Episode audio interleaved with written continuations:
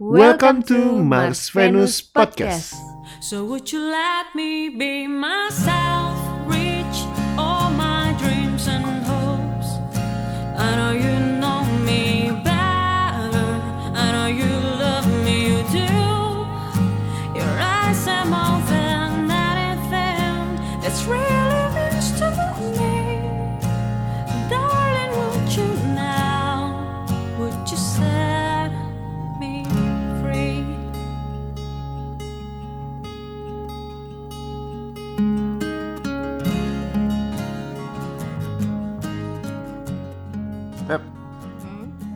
terakhir kali cemburu sama aku kapan sih?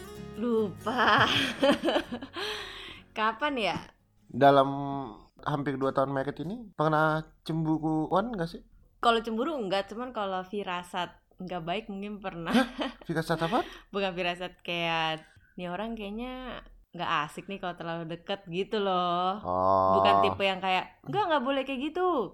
Nggak boleh ketemu lagi sama dia nggak kayak gitu-gitu sih. Tapi Hmm. lebih karena perasaan gak enak aja gitu. Hmm, kalau semakin dekat sama nih cewek kayaknya Bahaya nih. Bahaya nih.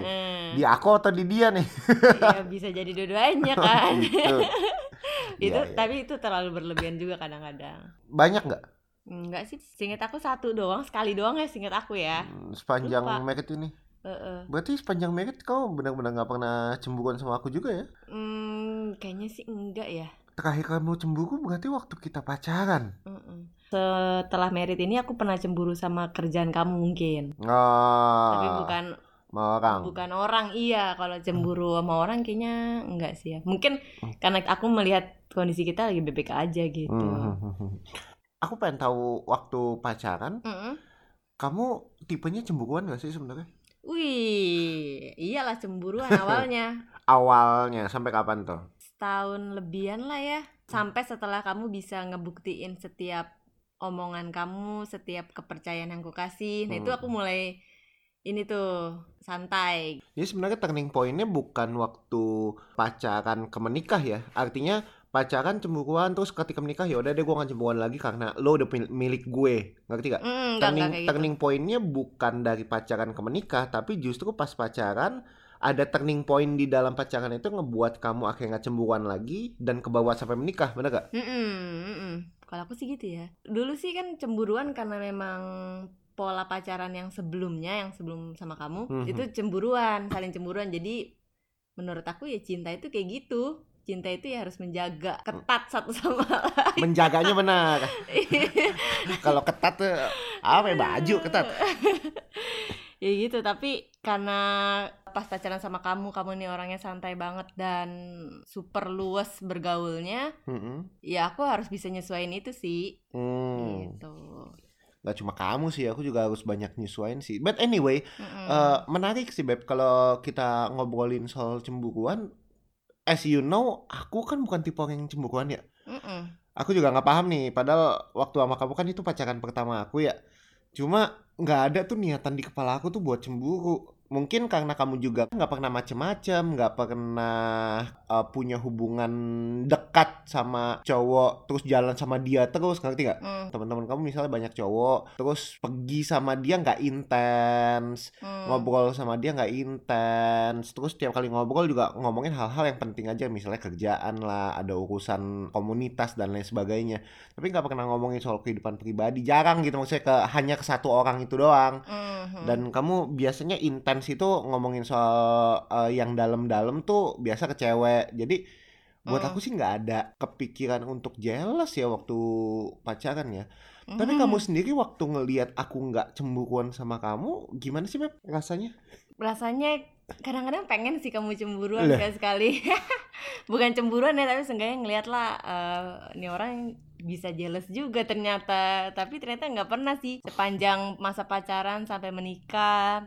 tapi aku memang nggak berusaha membuat kamu jadi jealous sih. Oh kalau kamu minta pacarnya nggak jealous, kamu minta pacarnya jealous ya? jealous sekali lah boleh lah. Aku- maksud aku tuh sebelum nikah tuh aku pengen tahu kalau kamu jealous kamu tuh gimana? Bakal keras kah? Atau Hmm. bakal bentak-bentak kah? Atau bakal ngelabrak orang? Gitu loh aku pengen tahu nih. Jadi wah kalau misal kamu sampai ngelabrak atau main tangan atau apa nah aku tuh kayak mau mundur gitu loh kayak Hmm. mau membuktikan aja sih Hmm. tapi nggak terbukti sampai sekarang jadi aku deg-degan nih mystery boxnya belum dibuka Ya kamu mau bikin aku cemburu? enggak sih ya biasa aja sih aku sih nggak nggak berusaha acting untuk bikin kamu jealous gitu ya Hmm. seiring waktu aja Hmm. Karena buat aku nggak terlalu esensi sih cemburu Hmm. itu karena waktu aku milih kamu aku akan yakinin diri aku kamu bisa nggak sama aku apa ya dalam tanda kutip kayak bangun komitmen lah. Hmm. nggak perlu 100% komitmen tapi seenggaknya kita bareng-bareng bisa bangun komitmen atau enggak dan aku ngelihat kamu tuh orangnya mau bangun komitmen bareng-bareng sama aku waktu itu. Makanya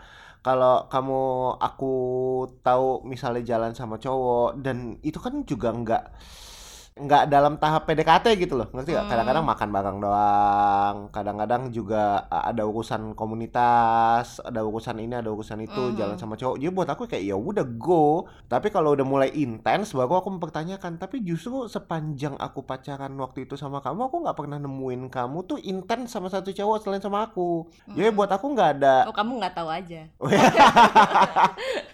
Oh, nggak nggak ada nggak ada. Iya, jadi buat aku nggak ada alasan untuk aku cemburu sih sebenarnya. Karena aku tidak menemukan alasannya itu dan aku juga bukan tipe orang yang suka cemburuan, jadi santai aja sih gitu. Mm, Nah, aku itu kunci terakhir itu tuh yang kamu Apa? bilang karena kamu sendiri orang yang gak cemburuan hmm, makanya kamu nggak menilai aku negatif ngerti ya kalau orang Iya. kamu orangnya cemburuan kan pasti bawaannya curigaan mulu sama paham, orang paham, lain gitu. paham. Dan aku benar-benar hampir nggak relate sih sama beberapa orang yang datang ke kita yang dibilang gila nih cewek gue begini atau yang cewek gila nih Hmm. cowok gue begini kayak hah bukan itu biasa aja ya contoh.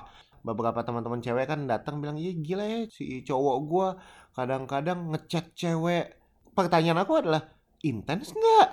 Kalau enggak ya kenapa lo cemburu? Buat aku nggak relate kecemburuan terhadap Hmm, eh, ngelihat pacarnya kontekan sama lawan jenis lainnya. Buat aku aku nggak relate karena buat aku gila hidup gue tuh banyak temen. Zaman dulu tuh aku tuh banyak banget kenalan, banyak banget temen main dan itu banyak yang juga lawan jenis. hmm. Apalagi yang uh, aku sering ceritakan aku kan lulusan psikologi which is di psikologi itu 85% tuh cewek. Kita bikin tugasnya tugas kelompok tuh aku bisa cowok sendiri di antara cewek-cewek lainnya. Tugas kelompok yang berdua-berdua jarang tuh aku sama cowok. Apalagi jurusan aku tuh pendidikan, psikologi pendidikan. Hmm. Which is di satu angkatan aku psikologi pendidikan, cowok itu cuma dua. Hmm. Jadi aku tuh udah sangat terbiasa kontekan intensnya bukan masalah hidup ya, intensnya bukan masalah personal, tapi kayak intens kayak ngomongin kuliah, ngomongin terkait dengan kampus kuliah itu aku cukup sering. Makanya aku nggak relate sama orang cemburu karena pacarnya itu kontekan sama lawan jenis lain selain dia. Hmm, Ngerti gak? ngerti sih Eh, makanya aku bilang kan aku nggak cemburuan karena itu nggak relate. Nah kamu kan apa ya nggak pada posisi itu nih, nggak Iya. pada posisi aku yang bisa dengan mudah kontekan sama lawan jenis. Nah kamu ngelihat aku yang gampang banget deket, bukan deket dalam arti romansa ya, tapi deket banget sama lawan jenis, terus bisa ngobrol senyaman itu sama lawan jenis. Waktu kamu pacaran sama aku, apa yang kamu lihat? Kalau yang pertama kali aku jadian sama kamu sih cukup kaget-kaget ya. Hmm, So- soalnya kamu emang nggak pernah intens ke satu cewek sih. Hmm, tapi misalnya bahasanya pakai emoticon yang love love love gitu Iya, misalnya contohnya dulu ya aku ini jujur aja nih kadang-kadang Hmm. aku suka nggak sengaja ngelihat handphone kamu gitu. Bukan oprek-oprek ya tapi pas kamu lagi WhatsApp aku nggak sengaja lagi lihat gitu. Oh love love love gitu. Terus sama cewek yang lebih tua gitu Hmm. gitu sih aku sih diem diem aja aku nggak berani konfrontasi ke kamu nanya ke bawah ini kok eh, kamu kasih emoticon kayak gini-gini sih ini kan cewek dan ini Hmm. siapa nih siapa aku nggak kayak gitu sih Hmm. cuman Tapi kontennya kamu lihat nggak? Aku lagi ngobrolin apa Iya, gitu misalnya maksudnya? gini, misalnya kamu minta tolong ke cewek itu, terus Hmm. cewek itu melakukan, terus gitu kamu, oke, thank you ya, love, love, love, love. Ya udah, tapi kalau aku tuh tipe orang yang bukan konfrontasi kamu sih, jadi aku lebih arah diem, terus one day kamu pasti kenalin aku ke orang ini nih pasti ntar ada aja Hmm. momen untuk kita Hmm. ketemu nah dari situ oh ya aku lihat orangnya baik ya udahlah gitu soalnya aku pikir memang aku harus adaptasi sama cara kamu yang kayak gitu sih Hmm, hmm. terus selama kamu nggak ngumpet-ngumpetin dari aku selama kamu ngenalin aku ke teman-teman kamu yang sering kamu chat itu Hmm. biasa aja jadinya buat aku Hmm, hmm. Nah ini sih Beb yang buat aku poin pentingnya adalah kamu kalau ngelihat aku sekarang, aku kayak masih kayak gitu nggak? enggak Nggak. Hmm. Nah ini aku mau ceritain nih sebenarnya hal yang ngebuat aku berubah adalah mengerti bahwa pacaran Hmm. dan sebelum pacaran pasti beda. Artinya gini, eh, sebelum pacaran aku bisa dalam tanda kutip bebas eh, karena aku tahu nih sama si Dewi misalnya, sama si Dewi ini siapa sih sama si Dewi ini aku nggak ada perasaan apa-apa dan cenderung karena memang aku Hmm. deket sama dia dan kita punya hubungan baik uh, gampang buat aku untuk punya emoticon kiss-kiss itu ya Iya, yang love love iya, itu iya. karena aku benar-benar say thank you sama dia dan ya udah love love love aja misalnya ya dan nggak ada intensi apa pun sama sekali tapi kan kalau udah pacaran beda nih kamu pasti akan mem- memperkirakan sesuatu terhadap emoticon yang aku kirim buat si Dewi Hmm. ngerti ya? Nah, dulu aku dalam tanda kutip yang ngerasa pengen lo kok lo jadi ngekang gue dengan cara gue berteman sama orang lain. itu dulu kamu mikir gitu Dulu aku Hmm. berpikir seperti itu. Loh, kok kamu cemburu cuma karena hal ini? Ini Dewi tuh bukan siapa-siapa. Aku bahkan bisa kenalin kamu dan kamu bakal tahu bahwa aku sama Dewi tuh nggak mungkin ada hubungan apa-apa. Lah, aku milihnya kamu kok gitu loh. Hmm. Dan dulu tuh aku berpikir kenapa lo jadi ngekang gue, kenapa lo jadi ngatur cara gue temenan sama orang lain. berarti dulu kamu sempat nggak suka nih ceritanya Iya dong. Ah. Pasti, pasti semua orang yang punya habit komunikasi sebelum pacaran dan ketika pacaran tiba-tiba pacarnya eh, ngedumel tentang kebiasaan komunikasi kita dengan orang lain, terutama dengan lawan jenis, pasti kitanya atau akunya akan ngerasa terusik sih, Beb. Mm-mm. Yang tadi aku bilang kalau misalnya aku pakai emoticon love love love, tiba-tiba pas pacaran kamu ngelihat itu dan kamu nggak suka, kamu konfront ke aku, aku pasti akan akan defense karena buat aku lah ini sebelum pacaran sama lo gue udah ngelakuin ini Mm. dan emang gak ada apa-apa emang karena udah kebiasaan aja gitu nah konfrontasi seperti itu yang buat akunya ngerasa nggak nyaman dulu Mm. gitu nah semakin ke sini semakin ada waktu untuk kita komunikasi dan semakin aku belajar tentang proses pacaran semakin aku sadar bahwa yang namanya pacaran pasti ada momen di mana gaya komunikasi harus mulai dibatasi dengan gaya yang lebih respectful ke pacar aku ke kamu Hmm, waktu hmm, itu hmm. konteksnya buat aku kata kuncinya adalah hormat sih Mm. kalau aku tidak mengubah gaya komunikasi aku ke orang lain, Uh-uh. itu aku menunjukkan bahwa aku tidak hormat sama kamu. Jadi salah satu menghormati atau menghargai perasaan aku itu ya kamu harus bisa Berubah. mengubah Ya. gaya komunikasi kamu ke orang lain Hmm. ketika kamu memang berani memutuskan untuk pacaran sama dan berkomitmen sama satu orang. Betul, betul. Ini adalah salah satu yang nggak diperkirakan sama orang lain yang pacaran adalah yang namanya cinta atau yang namanya pacaran itu nagih dan Maksudnya? pengennya Eh. ketemu mulu. Pengennya ketemu kayak Heeh. kalau aku jatuh cinta dan Heeh. mulai pacaran kan rasanya dalam tanda kutip nagih pengen ketemu, nagih pengen ngobrol, Heeh. nagih eh, pengen punya waktu sama kamu, nagih gitu loh. Mm. Sifatnya tuh nagih dan karena ada sense of dalam tanda kutip nagihnya itu banyak orang ngerasa bahwa lo kok pacaran kok lo jadi lebih banyak nuntut ke gue bukan nuntut karena emang Oh. nagih Ya ya ya ya. ngerti gak? Jadi misalnya eh, dikit-dikit ajak ketemuan, dikit-dikit ajak ketemuan. Kalau kita nggak siap dengan kondisi itu, Hmm. ya jangan pacaran. Karena cinta itu nagih. Ya, berarti sebenarnya nggak salah ya kalau misalnya pacar kita kayak, ayo dong aku mau ketemuan, kok kamu nggak nemuin Nah, aku minggu ini Itu gitu. dia loh, itu. Nah, sering kali kata-kata itu dipersepsikan baik itu laki-laki atau perempuan ya. Karena Hmm. yang ngelakuin kata-kata seperti kamu itu bisa jadi nggak cuma perempuan, Mm-mm. tapi laki-laki juga gitu. Hmm. Kan ada cewek-cewek yang cukup cuek ya. Mm. ketika udah mulai jatuh cinta dan nagih untuk komunikasi, nagih untuk minta waktu dari kamu, buat aku sih itu wajar sih, Beb. Iya gak sih? Mm-mm, namanya juga udah suka gitu ya. Iya. Ya wajar sih kalau emang masih mau ketemu, masih mau tahu segala sesuatu tentang hidup. Agak lucu kalau ada orang yang bilang, gila nih cewek kalau ini ngekang gue banget. Ngekang lo kenapa? Iya, Sabtu minta ketemu. minggu minta ketemu padahal kan Sabtu gue punya gue pengen punya waktu sama temen gue ya lo kalau pengen bebas sebebas bebasnya kayak gitu ya nggak usah pacaran Mm-mm. karena ya pasti cewek atau cowok lu tuh nuntut untuk ketemu ya karena dia cinta dia dia punya perasaan Hmm. nagih ketemu itu Hmm. Jadi yang kayak gitu-gitu jangan dibilang lebay ya. exactly Hmm. Karena memang udah sewajarnya gitu kalau emang masih mau santai dan gak ada yang larang-larang ya. temenan aja Temenan aja. nggak usah pacaran Iya sih. Tapi ini bukan pembenaran buat orang-orang yang pengennya ketemu setiap hari atau enggak jadi ngelarang-ngelarang pacarnya ya. Karena Nah. beberapa jadi berlebihan dan akhirnya berujung pada posesif. Exactly. Makanya ketika intensitasnya sudah mulai berlebihan, permintaan akan ketemuan, permintaan akan kontekan itu sangat berlebihan dan ada batasan-batasan yang akhirnya dibuat sama ceweknya atau cowoknya atau sama salah satu buat aku itu namanya posesif. Maksudnya apa sih batasan dibuat oleh salah satu contoh? Aku ngebuat batasan terhadap kamu. Kamu nggak boleh kontekan sama A ya. Kamu nggak boleh kontekan sama B ya. Ada batasan dalam diri kamu yang aku buat.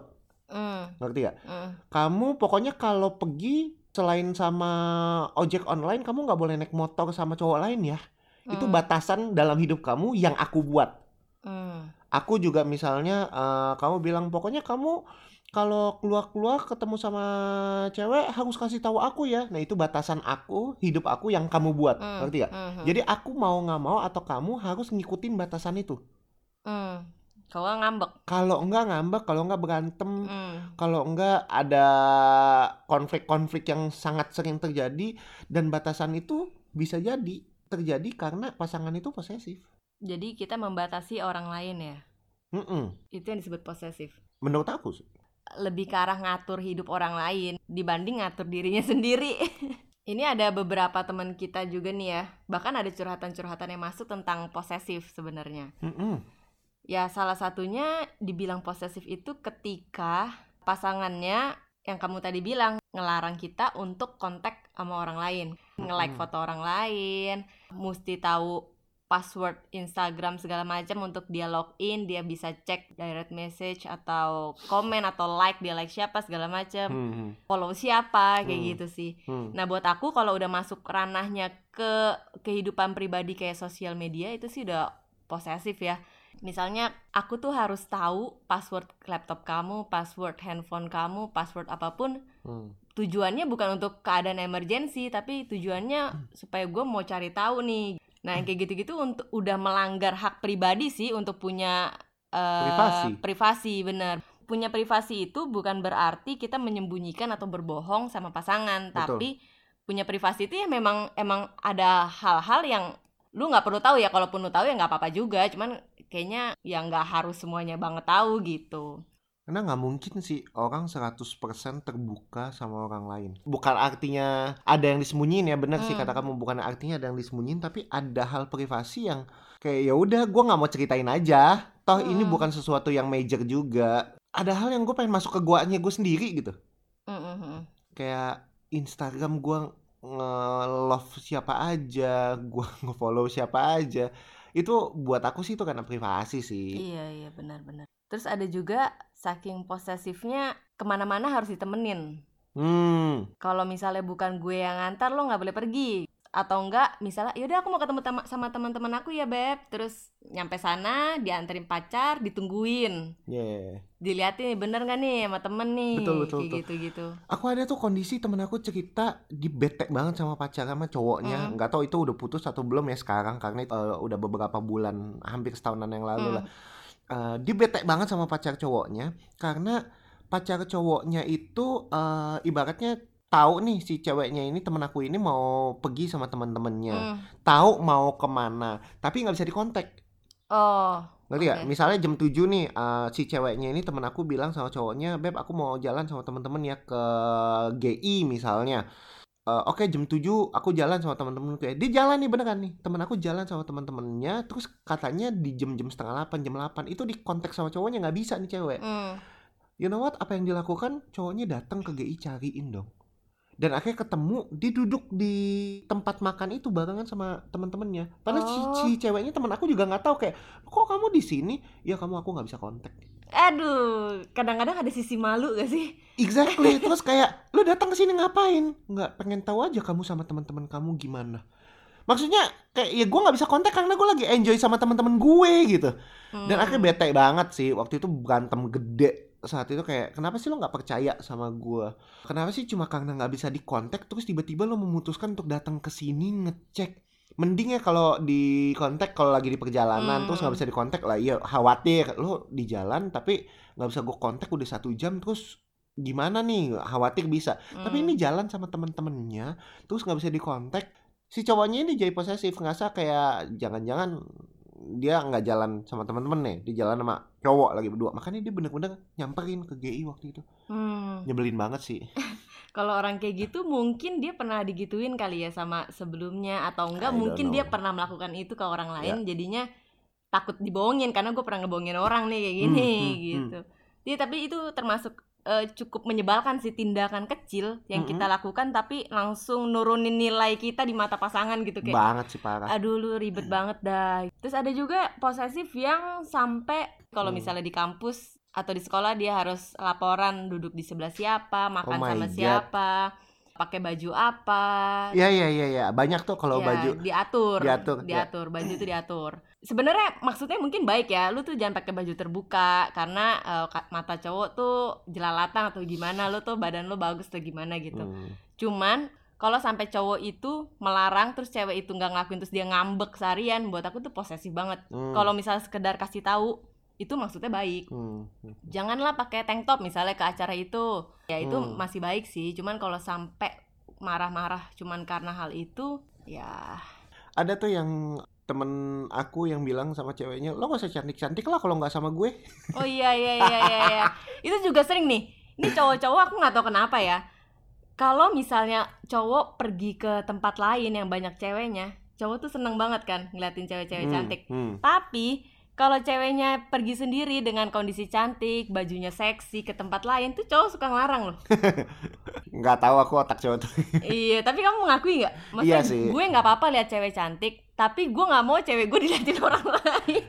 Eh, pada taraf ini sekarang sih enggak sih beb Eh, Tapi dulu ngerti ya kan? tapi Heeh, ngerti ngerti heeh. ngerti maksudnya kayak emang cowok brengsek aja sih Iya, iya, dia iya. pengen nikmatin apa ya mata dia bisa nikmatin Cewek cewek-cewek lain. lain. tapi gue nggak pengen cewek gue dinikmatin oleh mata Iya. mata cowok lain gitu padahal buat aku sekarang ya kalau sekarang eh, pemikiran yang udah mulai eh, berubah aku ngelihat kalau misalnya kamu dilihat sama cowok lain aku seneng loh karena artinya kamu mempesona di matanya dia Oh. bener loh ada ya ingat ya waktu kita pergi ke luar negeri terus ada beberapa orang-orang uh, bilang uh, you look stunning you look beautiful. Buat aku aku seneng. Karena uh, karena ya bener lah maksudnya dia tahu nih orang ini yang ngomong ke kamu dia tahu Mm, aku bener. jalan sama kamu. Ya dia nggak berusaha ngegoda kamu. Yang dia dia berusaha adalah ngasih tahu kamu kalau kamu tuh cantik that's it. Buat aku ya aku happy ya. Berarti istri aku mempesona orang lain cie Hmm. Mungkin itu situasi kalau di luar negeri, kalau di dalam negeri oh iya ketar ketir karena nih orang mungkin aja nggak deketin dia. kalau di dalam negeri sweet sweet ya artinya booty call eh, apa eh, kayak Cici ya gitu. apa sih bahasa Indonesia aku lupa lah nah Hmm. yang kalau kayak gitu gitu aku marah Oh, ngerti nggak? iya, iya, kalau iya. booty call kayak gitu ya aku marah tapi kalau misalnya eh, pergi ke pesta atau pergi ke tempat-tempat nongkrong kamu sama aku dan kamu diliatin sama eh, yang lain dan orang bilang cantiknya buat aku sih aku happy Hmm, ya sih aku juga bangga sih kalau kalau sama abang-abang sweet sweet jalan sendirian neneng pacarnya nggak digandeng neng wah itu aku kesel. Emang iya ya? iya lah itu kayak ngapain sih lo bang Namanya juga abang-abang. Iya. sebenarnya kalau yang namanya posesif itu kayak ngalangin kita dari sesuatu yang sebenarnya kita bisa lebih baik di situ. Mm-mm. Kayak tadi contohnya penampilan itu menghalangi pasangannya untuk terlihat lebih cantik atau tampan supaya lu tuh nggak laku di orang lain gitu lu tuh cuma buat gue jadi lu gendut aja deh sekarang Iya. jadi, lu nggak usah ngerawat diri lah supaya lu tuh eh, nggak nggak banyak yang mau segala macam gitu itu sih menghambat kita untuk menjadi diri yang lebih baik padahal Hmm, hmm. kalau memang aslinya orangnya setia, mau secantik apa pun, mau sebanyak apa pun orang yang suka sama dia dan berusaha dapetin dia, dia akan tetap stay sama kita sih. Mm-mm. Jadi nggak perlu takut, justru sekalian nguji, ini orang sebenarnya setia nggak ya sama gua.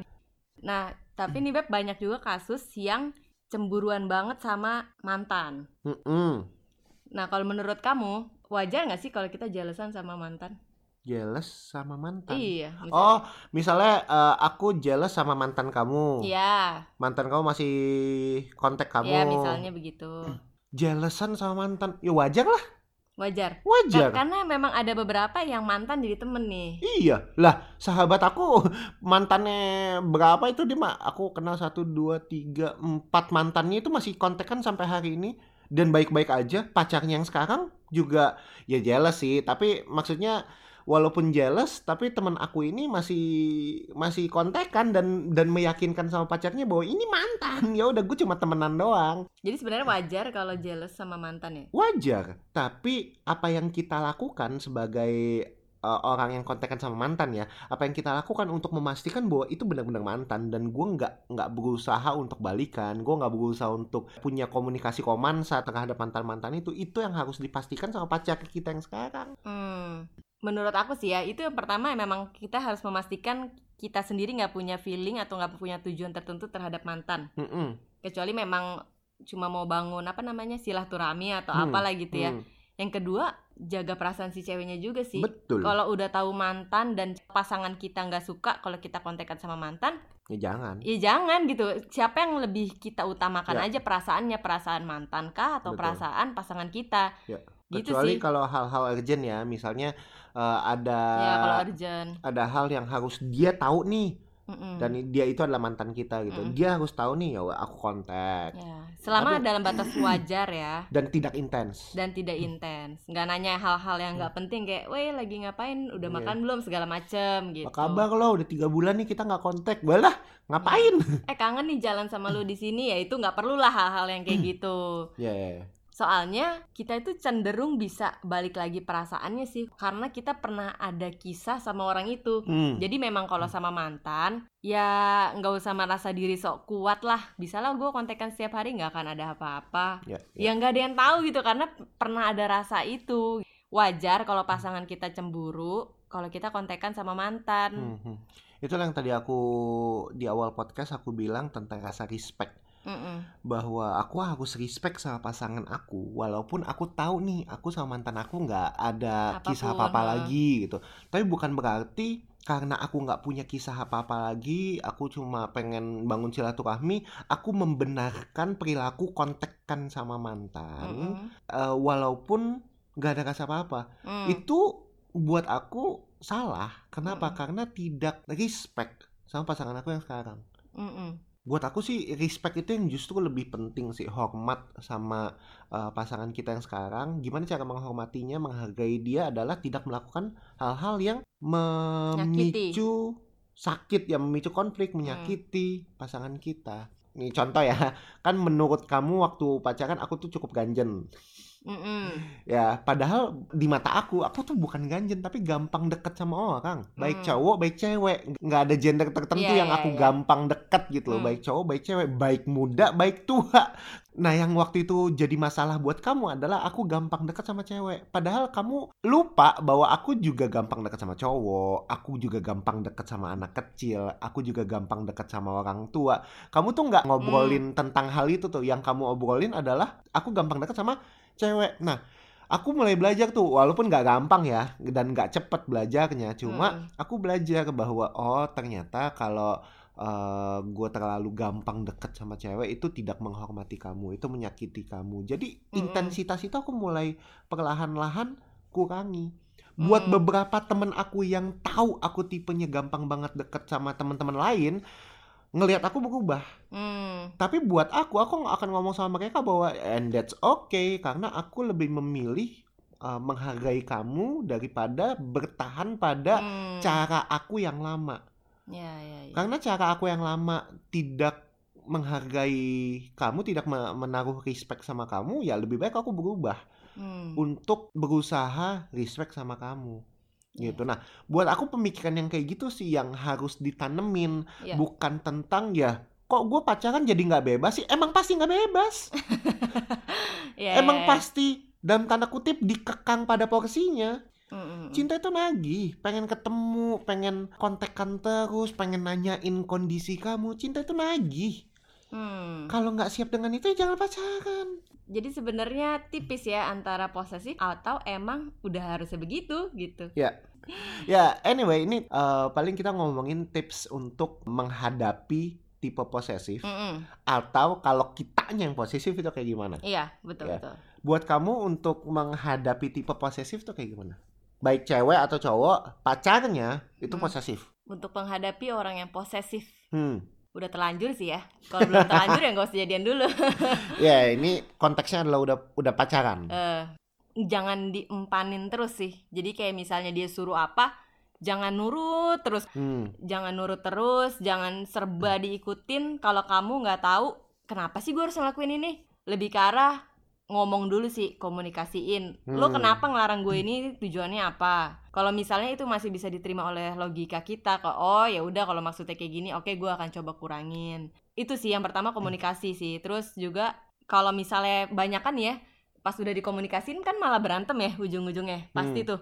Ya wajar sih kalau berantem ya udah berantem berantem aja. Cuman intinya yang penting kelar dan jangan pernah ngelakuin sesuatu itu karena terpaksa atau takut dia marah atau takut dia main tangan misalnya. Soalnya Hmm. banyak yang setelah berantem karena jealous karena posesif itu dia malah ngeluarin kata-kata kasar. Mm-mm. terus juga malah mungkin ada beberapa yang main tangan. Nah itu tuh yang perlu di iniin sih maksudnya nggak usah takut akan hal-hal kayak gitu Ya, sering kali bukan perilakunya yang salah, tapi Hmm. motifnya yang salah. Contoh, perilakunya adalah kamu jangan jalan sama dia dong. Aku perlu tahu dong Instagram kamu isinya apa aja. Kalau aku perlu tahu dong chatting kamu, WhatsApp kamu ngomong sama siapa aja, ngomongin apa aja. Perilakunya kadang-kadang buat aku eh, yang seperti itu ya normal. Kenapa? Karena ya tadi cinta itu nagih. Gue pengen tahu, gue Hmm. pengen eh, ngerti, gue pengen eh, ngeliat lo tuh kontekannya seperti apa Hmm. aja sih, Instagram lo isinya apa aja sih, DM DM-annya ngomongin apa aja sih. Hmm, Buat aku pada taraf itu wajar, tapi motifnya yang sering kali salah. hmm, Seringkali perilakunya ya namanya pacaran ada hal-hal yang gue pengen tahu lebih nih dari lu Hmm. teman-teman lo kayak gimana dan lain sebagainya tapi motifnya yang sering kali bikin salah kenapa aku minta semua password kamu aku tahu karena aku nggak pengen kamu nge- ngebohongin aku hmm, Kenapa kamu takut aku ngebohongin kamu? Karena semua mantan-mantan aku ngebohongin aku. hmm, Ngerti ya? Jadi ada trauma masa lalu yang dia bawa ke hubungan yang sekarang. hmm, Nah, trauma masa lalu itu yang kemudian menjadi motif. Motif itu yang kemudian impactnya pada perilaku yang aku tuntut dari kamu. hmm, Nah, perilakunya dalam tanda kutip perilakunya belum tentu salah. hmm, Minta tahu password, minta tahu ah, kamu chattingan sama siapa, ya belum tentu salah karena emang gue pengen tahu gitu loh. hmm, Tapi motifnya itu yang perlu kita benerin. Itulah kenapa yang aku setuju sama kamu adalah diobrolin dulu. hmm, Jangan tiba-tiba ambil konklusi bahwa gila dia posesif banget ya. Gue males deh sama cewek kayak gini. Gue males deh sama cowok kayak gini. hmm, Nah sering kali kalau itu udah jadi pacar apalagi kalau kita udah memilih dia yang harus PR pertama yang kita lakukan adalah bangun komunikasi. hmm, Supaya apa? Supaya kita sama-sama ngeberesin benang kusut di kepalanya itu tuh hmm, kita ngeberesin motif yang salah itu yuk kita sama-sama bangun. Bukan berarti nggak boleh ngecek handphone ya. Handphoneku kadang-kadang kamu mau ngecek kan juga nggak masalah gitu. Karena aku Hmm. tidak menyembunyikan apa pun. Hmm, yang aku jadi masalah adalah kamu ngecek handphone aku karena kamu nggak percaya sama aku. Itu aku Hmm, masalah ngerti ya hmm. aku nggak masalah dengan kamu ngecek handphone aku. Hmm, tapi kar- kalau kamu ngecek handphone aku karena kamu nggak percaya itu buat aku masalah. Hmm, kan berarti bukan perilaku ngecek handphone yang salah hmm, tapi motifnya yang salah. hmm, Nah, makanya dalam uh, hubungan pacaran buat aku bukan ngejudge perilakunya. Kok kamu ngelarang-larang aku buat ini? Itu ngejudge perilakunya. hmm, Tapi obrolin motif di belakangnya. Kenapa sih? Emang apa yang kamu lihat dari aku yang jalan sama teman-teman? iya, Apa yang kamu rasakan ketika kamu ngerasa aku jarang kontak kamu. Padahal buat aku aku lumayan sering loh kontak kamu. Aku kan cuma nggak kontak kamu di jam kerja which is jam kerja memang aku pakai buat full kerja misalnya. Hmm. yang diobrolin adalah motif di belakangnya bukan perilakunya. Karena perilakunya bisa jadi nggak salah. Iya. buat aku itu sih beb Bener sih, eh, jadi lebih ke arah motivasinya tuh apa ya, bukan perilakunya dia tuh kayak gimana. Yang penting tuh motivasinya karena dilandaskan karena lo nggak percayaan Mm-mm. atau apa gitu. itu kan anyway yang aku lakukan ketika ingat nggak di Taman Suropati sih Heeh. yang kisah kita Iya, iya, iya. kisah kita eh, yang yang kamu cemburu sama satu cewek yang aku pikir hah serius deh itu gue tidak melakukan apa pun maksudnya aku cuma ngobrol sama dia Hmm. tapi nah ini konteks ya Hmm. aku ngobrol sama si cewek orang lain yang dekat sama kamu ngelihat aku ngobrol sama cewek Hmm. Iya. dan si orang lain itu menganggap bahwa kok Frankie ngomongnya kok intens banget intim banget di saat itu Hmm. ngomongnya kayak eye to eye dan buat aku kayak "Ih, kayak biasa aja deh. Nah teman kamu itu menganggap bahwa aku ngomongnya terlalu intimate lah sama si Hmm. cewek ini. Disampaikanlah ke kamu Hmm. dan kamu ngambek karena kamu ngerasa kamu ngapain sih ngomong terlalu intim sama si cewek ini sama si A ini? Berantemlah kita. Hmm. ya. Dan waktu itu aku ngajak kamu ke satu taman dan kita ngobrol di situ kan. Yang aku permasalahkan kan bukan masalah eh, kamu nganggep aku gimana gimana waktu aku ngomong sama si cewek itu kan. Yang aku tanyakan kan adalah kenapa sih eh, ngobrol sama cewek dan terkesan intim? Itu irritating you Hmm. membuat kamu nggak seneng itu kenapa dan akhirnya kan kita banyak ngobrol di situ kan yang aku selesaikan adalah motivasi di belakangnya Ya, ya, ya, ya, kejadian itu ya memang eh, salah satu kejadian jealous aku sih. Hmm. Tapi kalau menurut aku juga nih, posesif itu termasuk toxic relationship sih.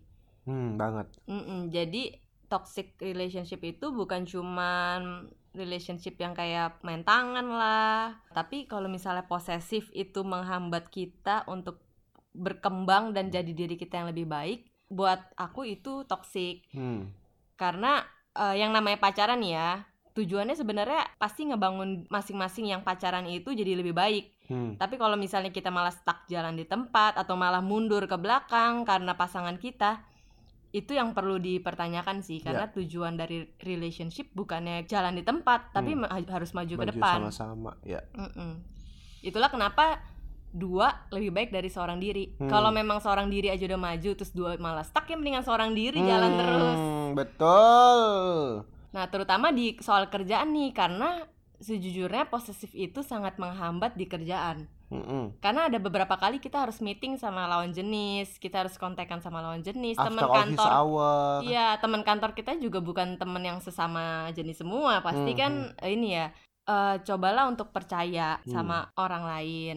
Cobalah untuk kasih dia ruang, Hmm. ngebuktiin bahwa dia tuh benar-benar bisa dipercaya dan ini tuh murni urusan kerjaan. Ya. Lain cerita kalau memang elonya keganjenan ya, itu ya kalau misalnya dijelesin, ya jangan marah emang ya lu keganjenan dan emang udah terbukti gitu banyak yang Ya. bilang kayak gitu, ya harus koreksi diri sendiri. Jangan Hmm. cuma bilangin tuh denger tuh podcast ini, lu tuh jangan jelesan segala macem, ya nggak bisa juga, lu juga harus berubah dari dalam diri lu sendiri. Ya, aku happy waktu eh, temen aku cerita Mm-mm. pacarnya ini temen aku cowok ya, pacarnya eh, sharing ke dia bahwa di kantor tuh ada yang lagi deketin dia.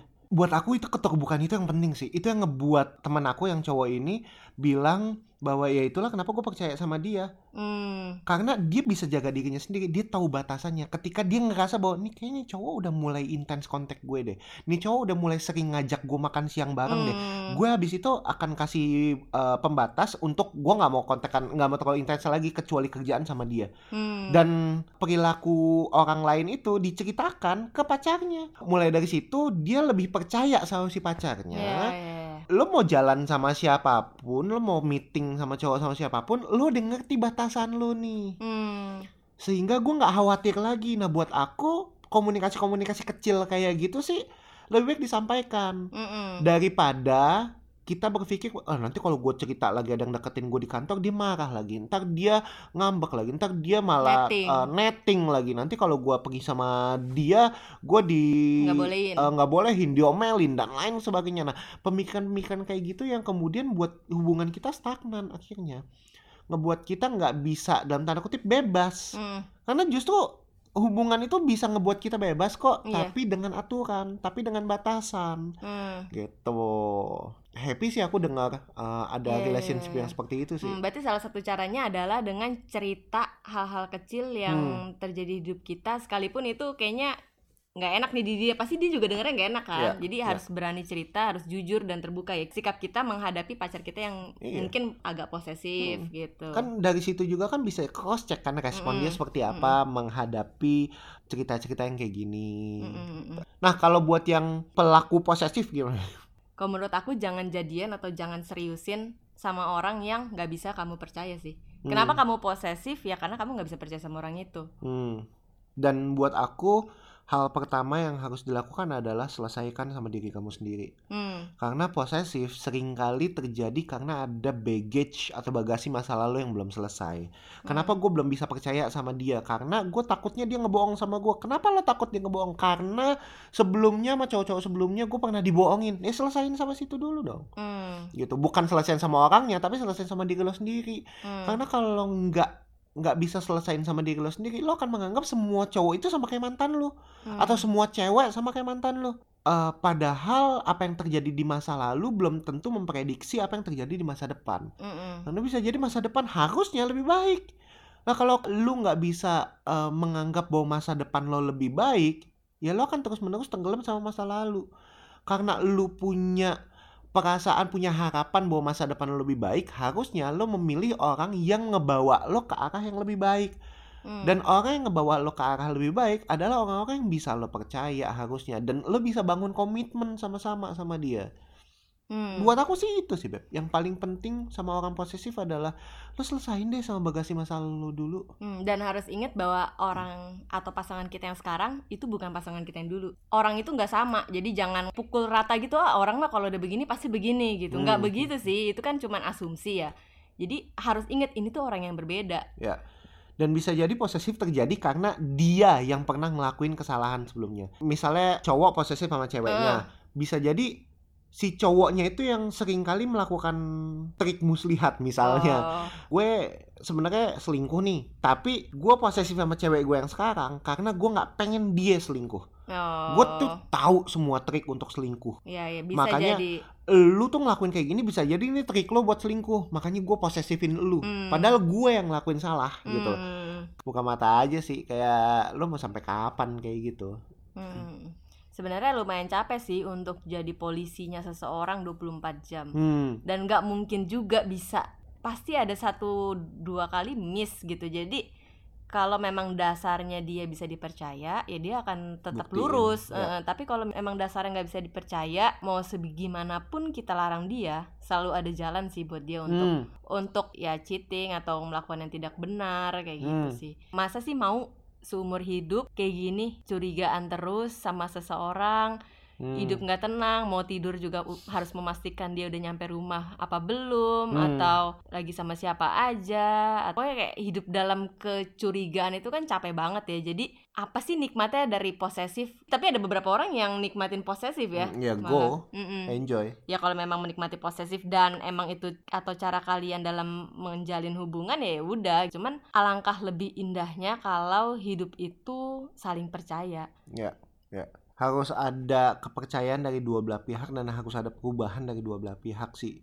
Bukan cuma salah satu doang. Nah iya bener Soalnya posesif ini kayak kayak saling salah-salahan ya Beb Hmm. Yang merasa diposesifin merasa jadi korban Orang yang posesif merasa bahwa "Eh, Ini orang emang gak bisa dipercaya gitu loh Jadi Benar, kayak benar, kayak ya tergantung situasi kalian masing-masing sih Kayak Iya. gimana dalam hubungan kalian Karena kita nggak tahu masalahnya apa gitu Bet- Jadi ya tergantung masing-masing Ya, lo kalau lo yang posesif, lo harus selesaiin bagasi masa lalu lo dulu. Mm-mm. Kalau lo yang merasa lo diposesifin sama orang lain, lo harus ngerti bahwa cinta itu nagih. Mungkin dia posesif karena emang dia pengen pengen tahu lebih banyak dari lo. Yang tinggal lo lakukan adalah lo berdamai ya Hmm. dengan kondisi perilaku tersebut dan kemudian obrolin motif di belakangnya tuh apa. Bantu dia untuk selesaikan masalah posesifnya dia. Mm-mm. bukan justru ngebelain diri lo dengan cara bilang bahwa kok pacaran sama dia jadi nggak bebas? Kok dia jadi nuntut gue mulu? Ya bisa jadi bukan karena dia nuntut. Bisa jadi karena elunya aja. Nggak pernah eh, peka bahwa yang namanya pacaran itu nuntut perilaku yang berbeda daripada lo sendirian kalau lo masih belum bisa nyaman dengan dicariin terus ya udah lo sendirian dulu aja. Itu sih beb. Ya ya ya ya ya Eh, diobrolin baik-baik dan berusaha ngerti satu sama lain. Karena cinta itu bukan cuman soal diri sendiri. Yang penting gue bahagia yang penting gue nggak mau di gini-gini gue nggak mau gini-gini gini. Tapi cinta itu lebih ke arah membangun pasangan kita. Ngomong apa sih aku. Kini ku datang Jangan coba ku menolak. Terusnya hatiku Izinkan aku Dapatkan hari-hari indah Bersamamu